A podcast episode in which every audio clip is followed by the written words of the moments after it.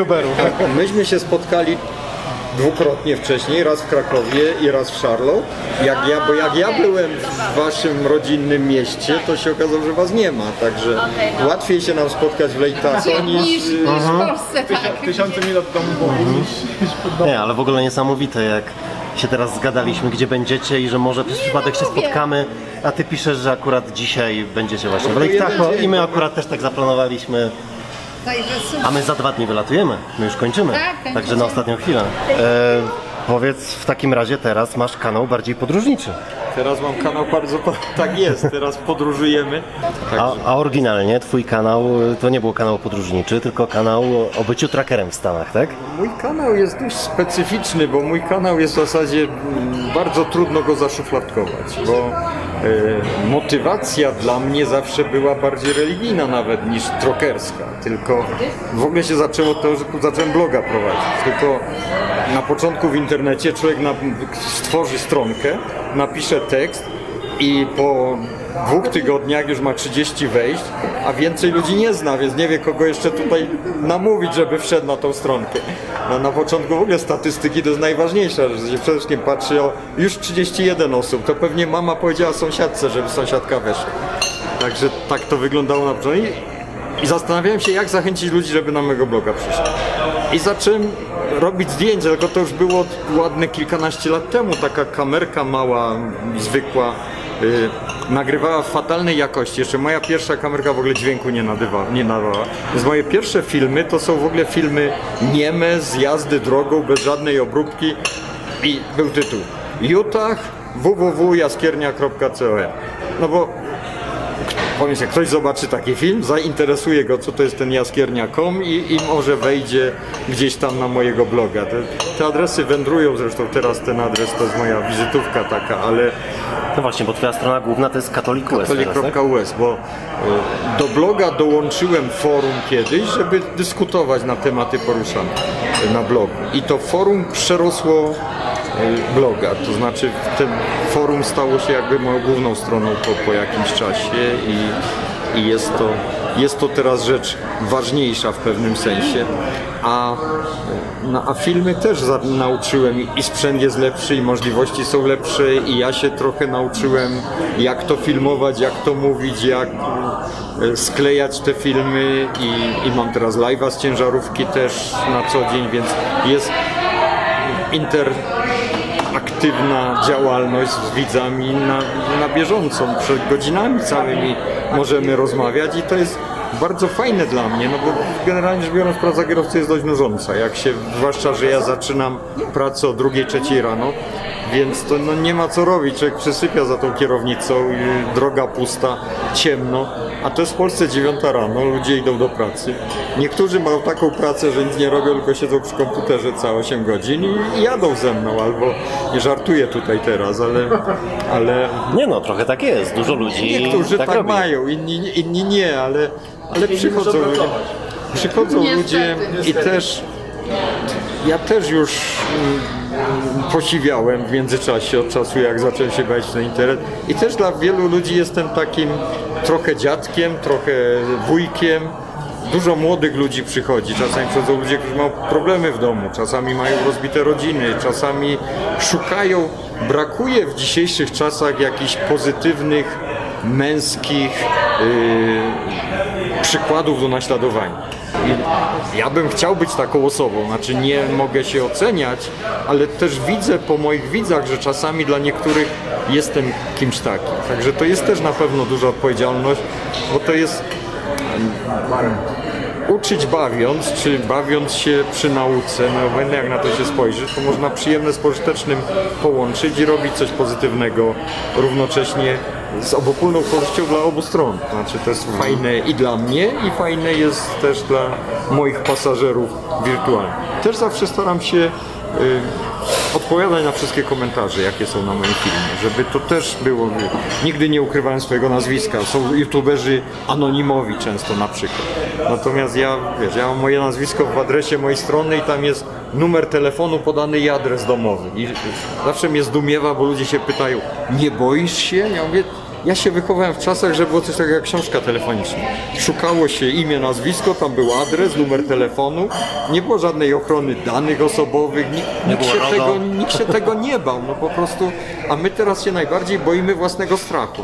Raz, że w Stanach Zjednoczonych wszystko jest tak zwany public record, to znaczy tu nie ma ochrony danych osobowych tak jak Unia Europejska to wprowadziła.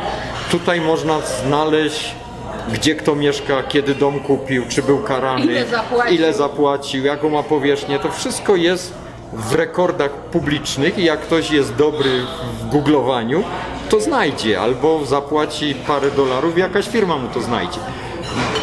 Wszystkie te rzeczy są jawne, więc ukrywanie tego albo na przykład ile zarabiasz. No ludzie nie lubią mówić o pieniądzach, no ale jak się z kierowcą, to co można wymyśleć? No ile kierowca zarabia? Wszyscy kierowcy tyle samo zarabiają. Okej, jeden, no to- jeden zarabia trochę więcej, a drugi trochę mniej, więc, więc m- robienie wielkiej tajemnicy z czegoś, co nie jest żadną tajemnicą, to troszkę nie ma sensu. Także jedno, pierwsze pytanie FAQ na mojej stronie. Ile zarabiają kierowcy? Bo to jest chyba najczęściej spotykane. Dobrze, to skoro to jest najczęstsze pytanie i skoro tego nie ukrywasz, to ile zarabiają kierowcy w Ameryce? Kierowcy zarabiają w Ameryce od 30 tysięcy rocznie do 100 tysięcy już bardzo dobrych firmach. Średnio około 50 tysięcy dolarów, czyli 1000 dolarów tygodniowo brutto. Przy czym trzeba pamiętać, że wartość nabywcza dolara to jest około złoty 70. Więc jeżeli to jest powiedzmy 4000 dolarów miesięcznie, to według wartości nabywczej około 7-8 tysięcy złotych powiedzmy. Więc nie jest to aż tak dużo więcej jak zarabiał kierowcy w Polsce. To nie ma, nie ma przepaści. W dobrych firmach oczywiście kierowca może zarobić 50% więcej czy 70% więcej, ale to są już takie elitarne prace i trudne do zdobycia. Młody kierowca zarobi mniej i młody kierowca jest w trasie głównie, więc on co zarobi to wyda. Jest cała masa kierowców, którzy zmieniają pracę 7 razy w roku, skaczą z jednej dużej firmy do drugiej, bo są bez przerwy niezadowoleni, bo nie mogą być zadowoleni, bo są po 3-4 tygodnie w drodze i z czeku im nic nie zostaje. Oni po wydaniu pieniędzy, po jedzeniu w truckstopach, czasami się zdarzy, że 3 dni stoi, nie ma ładunku, przyjdzie piątek, ładunek się przeziębi, do poniedziałku się stoi, no to taki kierowca wyda całą tygodniówkę, którą zarobił, więc, więc takich kierowców jest dużo. Mówiąc właśnie o wartości nabywczej dolara, to jest też zawsze bulwersujące, że ty nie wiesz o czym mówisz. No. Są organizacje międzynarodowe, które to dokładnie badają, bo e, zwłaszcza w Europie ludzi to denerwuje, że przecież koszty są w Polsce wszystko tyle kosztuje co w Niemczech, a, a zarobki tam są w euro takie jak w Polsce. No ale to tak wygląda z punktu widzenia e, właściciela Passata Kombi, który jest w Polsce co dwa miesiące i zrobi sobie porządne zakupy, wymieni sobie euro w kantorze i wtedy rzeczywiście to euro jest warte 4 zł. Ale Niemiec, który mieszka w Niemczech, to dla niego to euro jest warte euro po prostu. On Dużo musi, mniej. on musi tam zapłacić ubezpieczenie lekarskie, podatki, e, dom, zakupy. Wszystko musi zapłacić w Niemczech. I to okazuje się, że wszystko tam drogie. On jak jedzie na wakacje, to nie korzysta z polskiego biura podróży, tylko idzie do niemieckiego biura podróży, gdzie wszystko jest trzy razy droższe niż w Polsce. Także, także to, ta wartość nabywcza dolara nie jest, e, czy, czy w ogóle zachodnich walut, nie jest e, przystosowana do sytuacji ludzi podróżujących, którzy są w stanie lepiej wykorzystać system po prostu. Ale powiedziałeś, że ci kierowcy, którzy nie lubią swojej pracy, no to między innymi mają tak, że jadą na 3-4 tygodnie i dopiero potem wracają. A u Ciebie jak to teraz wygląda? Też tak długo Cię nie ma w domu? no, czy... Ja tak pracowałem. Pracowałem tak, że ja robiłem wszystko. Znaczy nie wszystko. Wszystko to robi taka jedna trucking girl, którą wszyscy znają prawdopodobnie. Mamy taką jedną dziewczynę, jakąś? Iwonkę, która wszystko robi, bo ona i gabaryty ciągnęła i lod, po lodzie jeździła i po e, polach lodowych, co jest bardzo trudną pracą. No, e, ja jestem takim osobą raczej konserwatywną, nie szukam przygód niesamowitych, ale y, jeździłem po całej Ameryce, jeździłem lokalnie. Moja pierwsza praca była lokalna. Potem jeździłem po wschodnim wybrzeżu. Potem woziłem lotnicze ładunki. Woziłem w firmie przeprowadzkowej, to znaczy nie przeprowadzaliśmy ludzi, ale y, rozwoziliśmy meble na przykład do nowych sklepów Kmart. A to wtedy Kmart był Walmartem. To znaczy wszędzie były sklepy Kmartu i, i co chwilę się nowe otwierały, teraz co chwilę się nowe zamykają, bo, bo ich Walmart zjadł, ale w tamtej firmie jak zacząłem pracować, wyjechałem z domu i chyba po trzech miesiącach nie trafiłem do domu, ale byłem w 47 stanach. Także była to fajna przygoda dla mnie, trochę mniej fajna dla mojej żony, bo zapomniała chyba, że ma męża, bo, bo mnie nie było, ale z wyjątkiem północnej Dakoty byłem w każdym stanie z tych, z tych tutaj dolnych naszych. A potem miałem no, własną firmę, jeździłem głównie w Waszyngton i Oregon i północna Karolina. Dlatego, że to była taka najprostsza praca, to znaczy szukało się ładunku raz na tydzień. Bo jak człowiek jeździ lokalnie, no to przejedzie 2-3 godziny, potrzebuje następny ładunek. Jak się dostanie ładunek y, z Charleston do, do Portland, Oregon, no to jest na 5 dni robota załatwiona i, i nie trzeba niczego szukać. A potem sprzedałem własną firmę, bo to są dwa najszczęśliwsze dni w życiu biznesmena. Pierwszy I. Dokładnie. i poszedłem na etat do Biedronki. To znaczy, no nie do Biedronki naszej, tylko do filmu, do firmy, która ja rozwozi towar do sklepu. i Wracam do domu codziennie i pracuję 4 dni w tygodniu. Jestem za, zachwycony. I więcej zarabiam niż, niż mając własną firmę. Także i głowa mnie nie boli. Tak Po prostu jak się wraca na bazę i coś złego z ciężarówką, mamy taki formularzyk, piszemy lewa żarówka nie świeci, miała. światełko się zapaliło. Odstawiamy ciężarówkę na parking i I po i, spoko. Może, może, bo tu chodziliśmy po górach, także To są naprawdę z krokodyla? naprawdę, naprawdę z krokodyla. Prawdziwy krokodyl, znaczy Można? kaj, kajman, można mówić. Z kajmana są. To, bo to są z Meksyku z hodowli. No, Czejrowski ma podobno buty z krokodyla, którego sam na Florydzie upolował. Moje pierwsze spotkanie z Czejrowskim, ja wyjechałem z Polski, nie, nie, nie, osobiście nigdy. Tylko ja nigdy nie, nie słyszałem o Cejrowskim przed wyjazdem z Polski, I, a w Ameryce no to nie mieszkam w polonijnych ośrodkach, więc pra, praktycznie nie. Pierwsze spotkanie z Cejrowskim, jakie miałem, dostałem książkę Rio Anaconda, którą przeczytałem. Bardzo mi się książka podobała, niesamowita, polecam wszystkim. I na końcu Cejrowski, Cejrowski tam opisuje, jak jakiś szaman w jakimś dżungli był w stanie wyświetlić mu filmy członków plemienia. I nie filmy, tylko sny.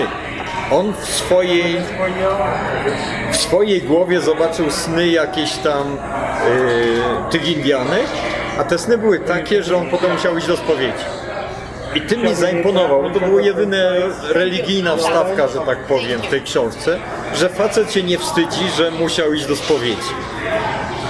Można nic więcej nie wiedziałem. Potem jak się zainteresowałem nim więcej, no to się okazało, że on jest takim jednym z dwóch dyżurnych katolików w mediach polskich, to znaczy y, jeden jest ten taniec z gwiazdami y, Hołownia, a drugi jest Cejrowski. Jest zresztą niesamowity film, jak Hołownia zaprosił Cejrowskiego i no, trudno znaleźć dwóch większych wrogów. To była, to była walka dwóch żywiołów i Hołownia dużo lepiej wypadł na. Znaczy, Hołownia ma jeden problem, problem z ortodoksją. Nie zawsze jest w 100% ortodoksyjny. Natomiast pokazuje bardzo ładne chrześcijaństwo. Pokazuje chrześcijaństwo dla ludzi, że powinno być otwarte. Powinniśmy wyjść do pogan z Chrystusem i zaprosić ich. Natomiast Cejrowski pokazuje chrześcijaństwo e, typu getto. Zamknijmy się i wyślijmy wszystkich do diabła. Jak nie jesteś taki jak nas, to spadaj, ja ci ręki nie podam, ja nie wiem gdzie ty ją trzymałeś. Bardzo nieładne, znaczy bardzo faryzejskie. Pan Jezus jadał z grzesznikami. Cejrowski jada z dziennikarzami z TVN. Nie Cejrowski, tylko Hołowni. Cejrowski by nie, nie poszedł do TVN-u, no bo by był nieczysty chyba, nie wiem. No w każdym razie to jest mój problem z nim. Drugi problem, jaki mam z Cejrowskim, to jest taki, że koloryzuje strasznie. To znaczy, jeżeli opowiada o rzeczach, których nie znam, to ja wszystko łykam jak gęś kluski, bo nie byłem tam i mi się podoba. No żeby być atrakcyjnym, to trzeba ciekawie opowiadać. Nie wiem, Nie wiem, czy czytaliście książki e, Znaczy Kapitan na przykład yy, Burka, Borkharda. No. Fantastyczne książki, okres międzywojenny w Polsce, jak powstaje polska flota i yy, autor był oficerem marynarki, no nie był pisarzem i radził się jak to napisać, no bo ludzie żyją. On opisuje historie, których ludzie żyją. I ktoś mu poradził, słuchaj, napisz, żeby było ładnie. I on się tego trzymał. No to, że się fakty troszkę nagnie czy coś, no to nie jest takie istotne. Ma być napisane tak, żeby ludzie to czytali, żeby było interesujące. Więc ja nie mam problemu, jak on opisuje jakąś tam dżunglę czy, czy południową Amerykę. Nigdy tam nie byłem, no to to mi się to podoba. Ale jak on opisuje w Ameryce, wiesz, jakieś bzdury na przykład, że y, kierowcy, żeby nie płacić na bramkach, wjeżdżają pod ciężarówkę, żeby po nią przejechać, no wiesz, to y, ja jeżdżę tu ciężarówką 35 lat. Raz, że żaden samochód nie zmieści pod ciężarówką, nawet miata, chyba żeby jej szybę urwać, a poza no, nie robi się takich rzeczy, no ale to może fajnie wygląda, czy te jego historie z bronią, no ludzie też mnie pytają o broń na przykład, czy ja mam broń, czy wi- widzę ja tu nie widziałem człowieka z bronią od 25 lat. No. Ja wiem, że Znaczy statystycznie, że generalnie rzecz biorąc, no czasem go oglądam, oglądam go z przyjemnością, bo mówi I właśnie, i ciekawie, właśnie ale, z, ale rejonów, których się nie zna, fajnie się słucha. To jest tak jak z oglądaniem serialów. Ja lubię oglądać seriale takie prawnicze i policyjne, bo nie mam o tym pojęcia i to mnie ciekawi wtedy. I myślę, że tak jest. Nie mogę oglądać serialów żadnych ze szpitalami związanych, bo takie pierdoły dają, że po prostu szkoda mówić. Nie da się tego oglądać No tak, ale na więc tym się znasz. Ja jeszcze chciałem jedną rzecz tylko poruszyć, o której przed chwilą wspomniałeś. Wspomniałeś, że, e, że żyjesz po chlebie i wodzie. I czy możesz coś więcej o tym powiedzieć? Jak długo już tak żyjesz? Dlaczego? Czy to jest trudne? Czy to jest w ogóle fizycznie możliwe? Bardzo, bardzo wygodne dla mnie. Jakbym miała gotować obiad codziennie, to koniec. A tak to gotuję tylko w niedzielę. nie, historia, historia jest bardzo długa w sumie, bo historia się zaczęła w 90 roku, czyli 28 lat temu, tak? Dobrze liczę. Urodziła mi się córka i y, bardzo chora, znaczy umierająca. Wiktoria urodziła się w 40 tygodniu ciąży. W w 24, 24. 40 to akurat tyle, co powinno być. we wrześniu, tak kiedy dzieci się rodzą we wrześniu. Więc Wiktoria się nie urodziła we wrześniu, nie w dziewiątym miesiącu, tylko w piątym miesiącu, w 24 tygodniu ciąży. W czasach, gdzie wiedza medyczna jeszcze była w powijakach w zasadzie, bo bardzo się rozwija. Teraz takie dzieci już w zasadzie y, ratują bardzo często. I, i po prostu wtedy człowiek trwoga to do Boga. No, y, jak się ma umierające dziecko, to to zacząłem się wtedy, pierwszy raz w życiu chyba się tak naprawdę modliłem, że nic mnie nie rozpraszało i, i, i człowiek wtedy obiecuje Panu Bogu wszystko. Obiecałem Matce Bożej, że jak mi uratuje Wiktorię, będę piątki pościł o chlebie i wodzie. Nie wtedy to w ogóle ten pierwszy post oryginalnie to był nic nie jadłem, tylko piłem. Piłem słodką kawę z Coca-Colę, Pepsi, dużo cukru wypijałem, ale, ale nie jadłem. Tak to się, za, tak to się zaczynało. I potem stwierdziłem, że też mam inną rodzinę i, i, i są inne potrzeby i dodałem post wtorkowy, bo to tak ładnie mi się tydzień ułożył. A moja mama się pyta, dlaczego wtorek, a nie środa. Ja mówię, dlaczego środa? W środę i piątek będzie kulawy tydzień. Bo te pościł, nie pościł, pościł, potem jadł pięć. A mama mówi, no ale zawsze się pościło w środę i piątek.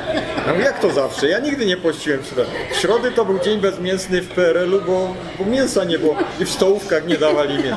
A mówi, nie no, twoja babcia nigdy nie jadła mięsa w środy. No tak było tradycyjnie.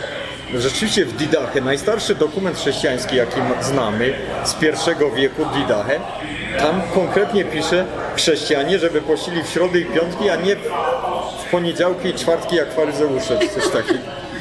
Więc, więc tak to się zaczęło, no ale potem ileś czasu minęło. Jedna z rzeczy, no Wiktoria wyszła z tego wszystkiego, wyrosła. Do Częstochowy na nogach poszedłem podziękowaniu. Ale posty się nie skończyły, bo zacząłem się uczyć o postach, jakie jest znaczenie. Jeden z moich pierwszych testów oryginalnych jest dlaczego pościmy. Bo to była tradycja chrześcijaństwa przez 2000 lat, która zupełnie upadła. W Polsce jeszcze w piątek jest wstrzemięźliwość od mięsa. W Ameryce nawet tego nie ma. Episkopat amerykański tylko w okresie Wielkiego Postu nakazuje wstrzemięźle, no ale w dzisiejszych czasach wstrzemięźliwość od mięsa to nie jest żadne wyrzeczenie, no bo kupi się łososia na przykład, zje się na obiad, to co to za, co to za wyrzeczenie? Więc e, zupełnie zatraciliśmy to, jak się dowiedzieliśmy po śmierci Jana Pawła II, że on się biczował na przykład.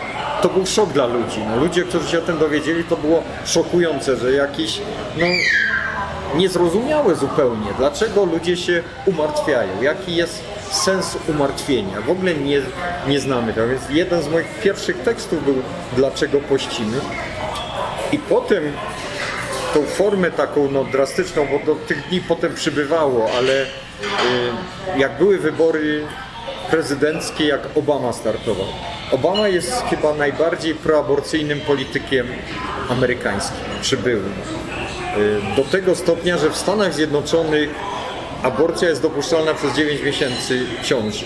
I jeżeli jest późna aborcja, zdarza się, że dziecko przeżyje. Aborcja się nie uda i dziecko przeżyje.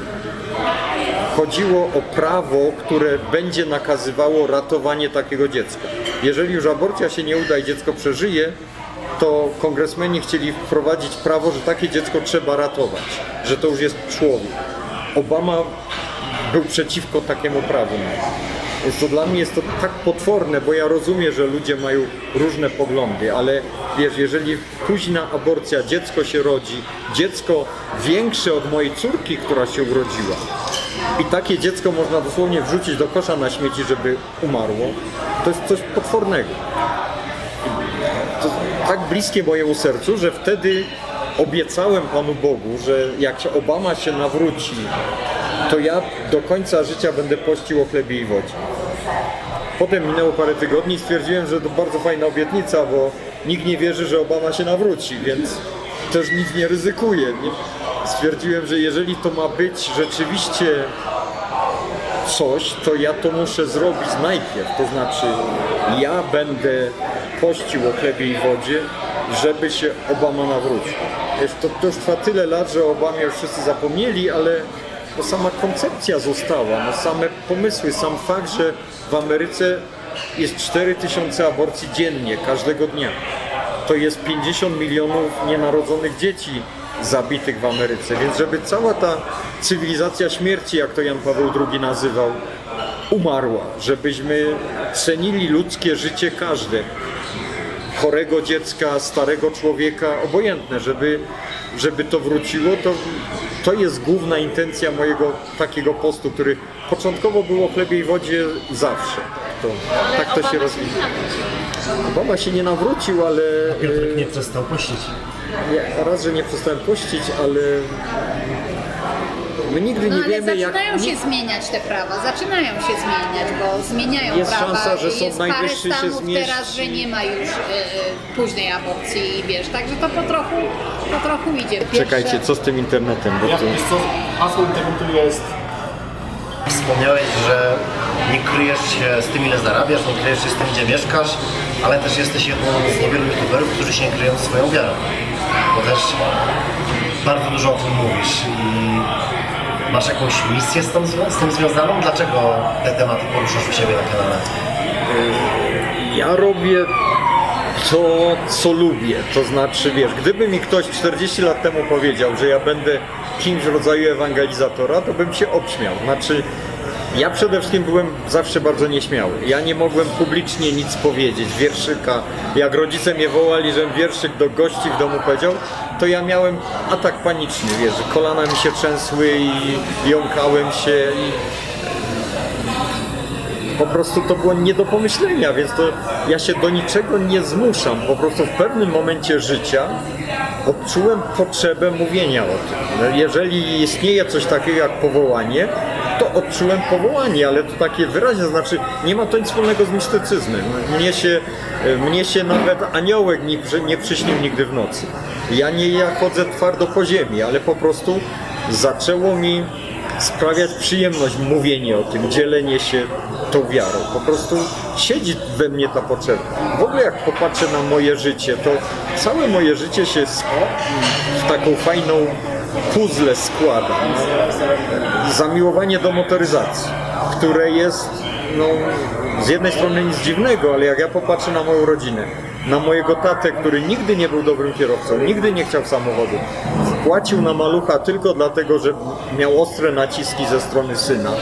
Pierwszy samochód w rodzinie to był mój własny samochód, który w liceum kupiłem pracując na wakacjach starego Mercedesa, którego z kolegami przypchaliśmy do domu, bo nie był na chodzie, no bo w PRL-u za dwumiesięczną pensję można było tylko kupić auto, które Się do niczego nie no, nadaje. było warte tyle, ile ważyło, po cenie złomu mniej więcej. No ale, no ale... I moje dzieci też nie mają żadnego zamiłowania do motoryzacji. Żadnego, totalnie. Do tego stopnia, że wiesz, że ja mam 600-konne BMW, samochód o rewelacyjnych osiągach, naprawdę porównywalnych z Ferrari Lamborghini. I mój syn, który ma 20 parę lat, nigdy mnie nie poprosił, żeby się chciał przejechać tym samochodem za kierownicą. Nigdy. I, I dla mnie jest to niewyobrażalne, bo gdyby mój tata miał takie auto, to ja bym codziennie na kolanach chodził za nim, mówił, tato, ja będę mył to auto, szorował, mył buty ci czyścił i zęby ci szorował też nawet, codziennie do końca życia, żebyśmy się dał przejechać tym samochodem. A Kuba mówi, wiesz, moi koledzy mówią, że masz fajne auto. No dobrze, no tak. Moje dzieci jeżdżą elektrykami, bo elektryk jest jak komórka, wiesz, wsadzi się do kontaktu wieczór, na rano ma na cały dzień prądu i i to ich satysfakcjonuje. No, samochód muszą mieć, bo to jest, bo to jest Ameryka. I moja pasja motoryzacyjna i moja pasja ewangelizacyjna, które się razem łączą, to jest dla mnie jakieś takie wezwanie do ewangelizacji w kierunku osób, którym jest nie po drodze do kościoła czasami. Znaczy ja wiem, że do mnie przychodzą chłopaki, bo chcą zacząć życie w Ameryce, jak, jak kierowca pracuje, pooglądać sobie te krajobrazy. I my nie mówimy do tego stopnia, że ja czasami jestem, jak ktoś przychodzi na przykład i, i, i zaczyna rozmowę, niech będzie pochwalony Jezus Chrystus i Maryja, zawsze dziewica, ja zawsze mówię, to nie jest Radio Maryja, bo mnie to, mnie to irytuje w pewnym sensie, to znaczy my się witamy, szczęść Boże. Bo ja bardzo lubię, bo to jest staropolskie powitanie, które jeszcze pamiętam z dzieciństwa, jak do babci na wieś pojechałem, to tam ludzie się witali szczęść Boże. Zamiast dzień dobry. Zamiast dzień dobry. Niech będzie pochwalony Jezus Chrystus. Bardzo ładne powitanie. Nie mam z tym problemu. Nie mam problemu z pytaniami na temat wiary. Bardzo lubię mówić na temat wiary. Ale jeżeli ktoś wchodzi i jest no nie wiem jak to nazwać, ale zaczyna się modlić, zaczyna mi wpisywać tekst modlitwy, to mnie to wręcz odczuje. Ja nie wiem nigdy, czy on sobie kpi, czy, czy sobie żartuje. To jest przesada. No miejsce na modlitwę to nie jest ciężarówka. Jeżeli chcesz się pomodlić, wyłącz komputer, Idź idź do do swojego pokoju, idź do kościoła, pomódl się w ciszy i w spokoju. Natomiast my możemy rozmawiać o wierze. Jeżeli kogoś spotka jakieś nieszczęście naprawdę, no niedawno przyszedł chłopak, zmarł mu ojciec, będący w moim wieku. Wyłączyłem radio, zmówiliśmy modlitwę za duszę tego ojca, ale to są wyjątkowe sytuacje. Natomiast nie uważam, żeby w takim kontekście to było dobre miejsce na na robienie radia religijnego z tego. Ja tam jestem, właśnie mogę pomóc, mogę wytłumaczyć, dlaczego wierzę, dlaczego wiara ma sens, nawet mogę wytłumaczyć ateiście, dlaczego niewiara nie ma sensu, to znaczy, że to też jest wiara, tylko mniej logiczna, że tak powiem. Tak jest moje zdanie i mogę mu wytłumaczyć, dlaczego Pan Bóg nie może podnieść kamienia cięższego niż. Nie może stworzyć kamienia cięższego niż by go mógł podnieść, czy też może podnieść taki kamień. E, Na takie tematy możemy dyskutować, ale, ale nie, nie chcę z tego robić kanału religijnego. Po prostu też, też chcę pokazać, że normalny facet może. Dla normalnego faceta wiara może być rzeczą ważną. To jest tak jak